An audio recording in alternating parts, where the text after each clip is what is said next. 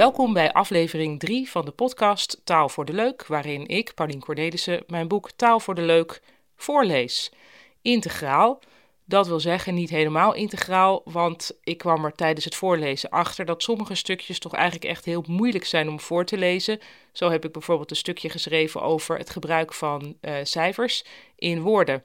Bijvoorbeeld in, uh, bij de rapper Tupac Shakur schrijf je Tupac als, tenminste vaak, als twee pack. Nou, dat, als je dat allemaal moet gaan voorlezen, daar wordt niemand vrolijker van, dus dat doe ik niet. En ik ga uh, gewoon door met een stukje dat wel goed voorleesbaar is. Um, nu ga ik voorlezen. Dotan-spaties. Goed, dus zanger Dotan had allemaal bijzonder geopenieerde volgers, maar die volgers bestonden niet echt. In sommige gevallen werden de lovende fanberichten door Dotan zelf geplaatst. Wat mij in dit drama vooral opviel was dat Dotan onder meer was ontmaskerd door zijn spatiegebruik. Het was opgevallen dat sommige adorerende fans, net als Dotan zelf, vaak een spatie zetten voor een punt of een komma. Nu hebben wel meer mensen die gewoonte, maar die zijn vaak boven de 70. Dotan-spaties die zien er bijvoorbeeld zo uit, en dit is even een zin die ik zelf heb bedacht. We gingen naar het concert, spatie, komma, en we hebben zo genoten, spatie, uitroepteken. Je kunt zeggen, de fans waren zo door Dotan geobsedeerd dat ze zelfs zijn spatiegebruik overnamen. Maar dat is niet aannemelijk. Een raar geplaatste spatie is als een vingerafdruk. Die valt niet op, maar is er wel. Een spatie hoort volgens arbitraire regels na een komma en na een punt. Het is niet zo belangrijk, je moet die regel min of meer toevallig ergens opgepikt worden. En als dat nooit gebeurd is, dan doe je het misschien wel fout. Niet erg. We begrijpen zinnen waarin verkeerde spaties staan natuurlijk prima. Maar het zijn de kleine en onbelangrijke gewoontes die iemand uniek maken. Ik kende iemand die boven al haar e-mails de datum zette, ook al wordt die automatisch in een e-mail verwerkt. Ik vermoed dat het geen bewuste keuze was, maar meer een gewoonte die nog stamde uit de tijd dat ze brieven tikte.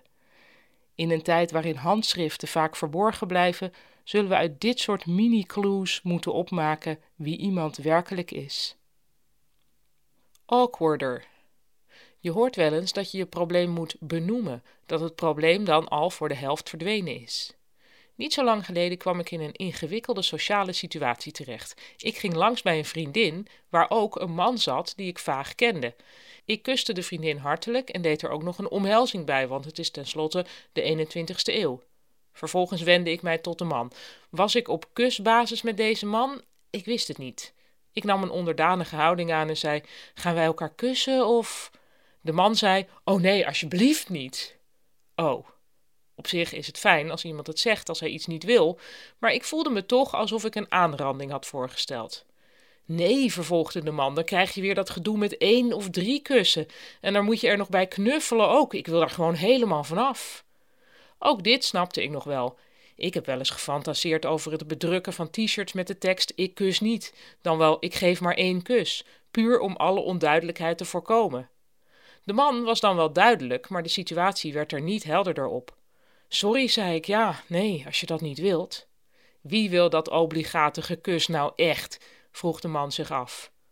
Ik, zei ik want nu ik zo werd aangevallen, was ik ineens bereid om de voorvechter van de kus te worden. Het is gewoon fijn om elkaar aan te raken. Waar haalde ik het vandaan? Maar daar was het. 1-0 voor mij, want nu kwam ik als warm menselijk over in plaats van alleen maar als conformistisch. Oh ja, zei de man. Nou ja, ik vind al dat gekus allemaal maar heel awkward. Dit was het moment dat ik besloot te benoemen wat hier aan de hand was. Maar dit is toch ook heel awkward, zei ik. Waarom zei ik dit in hemelsnaam? Dacht ik soms dat hiermee de rust zou wederkeren? Wat er gebeurde was het tegenovergestelde. Alles werd nog veel awkwarder. Er was niet gekust, er was benoemd waarom dat niet gebeurde, en er was benoemd dat dat ongemakkelijk was. Als niemand iets benoemd had, was dit allemaal niet gebeurd, en nu kon ik geen kant meer op. Alles wat ik nu nog zou benoemen, zou het alleen maar erger maken. Bij het afscheid nemen kuste ik niemand, en ik vertelde een mopje toen was iedereen weer van elkaar af. Overigens nog wel grappig dat inmiddels deze man uh, in dit stukje ken ik nu beter. Die herkende zichzelf direct in het stukje, was niet helemaal de bedoeling. Um, nou, en die vond het best leuk dat hij, uh, dat hij genoemd werd. Um, en um, ja, we hebben een heel hartelijk contact. We kussen nog steeds niet. Binnenpretje. Toen ik eind vorige eeuw in Japan studeerde, was het daar net in de mode om op elke foto hysterisch te lachen en met beide handen het V-teken te maken. Ik vond dat grappig en deed er ironisch aan mee, maar dat is op foto's nooit goed te zien, ironie. In Japan was het nogal een culturele shift. Voorheen was het er min of meer verboden om te lachen op foto's. Pasfoto's waren al helemaal doodserieus. Ook klassenfoto's zagen er verontrustend uit, als een begrafenis waarvoor alleen kinderen waren uitgenodigd. Niet lachen op een pasfoto vond ik toen bizar, maar inmiddels mogen we het in Europa ook niet meer. Fotografen hebben daar duidelijk nog geen vrede mee. Kom, kom, niet zo streng, hoor ik al jaren. Probeer eens een binnenpretje anders.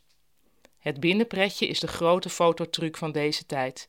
Als we over 50 jaar het hele concept van de pasfoto totaal achterhaald vinden, gaan wetenschappers terugkijken en boeken schrijven met titels als 2000, 2020, The Age of the Binnenpretje, A Cultural Perspective.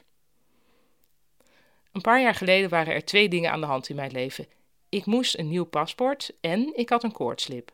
De vraag was: moest ik het fotomoment dan maar een paar dagen uitstellen? Nee, redeneerde ik, juist wel nu op de foto gaan. Want dan ben je bij je volgende paspoort weliswaar tien jaar ouder, wat een shocker is, maar dan heb je tenminste geen koortslip. Win-win met het oog op de toekomst. Op de foto die gemaakt is, zie je duidelijk een koortslip, maar ook de zendelingachtige blik van iemand die eindelijk heeft begrepen hoe je dat moet doen, die activiteit die leven heet.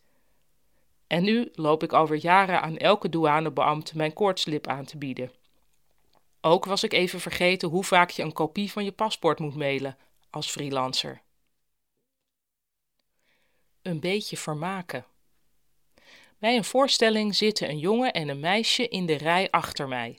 De jongen moet de hele tijd lachen. Wat een levensgenieter, denk ik.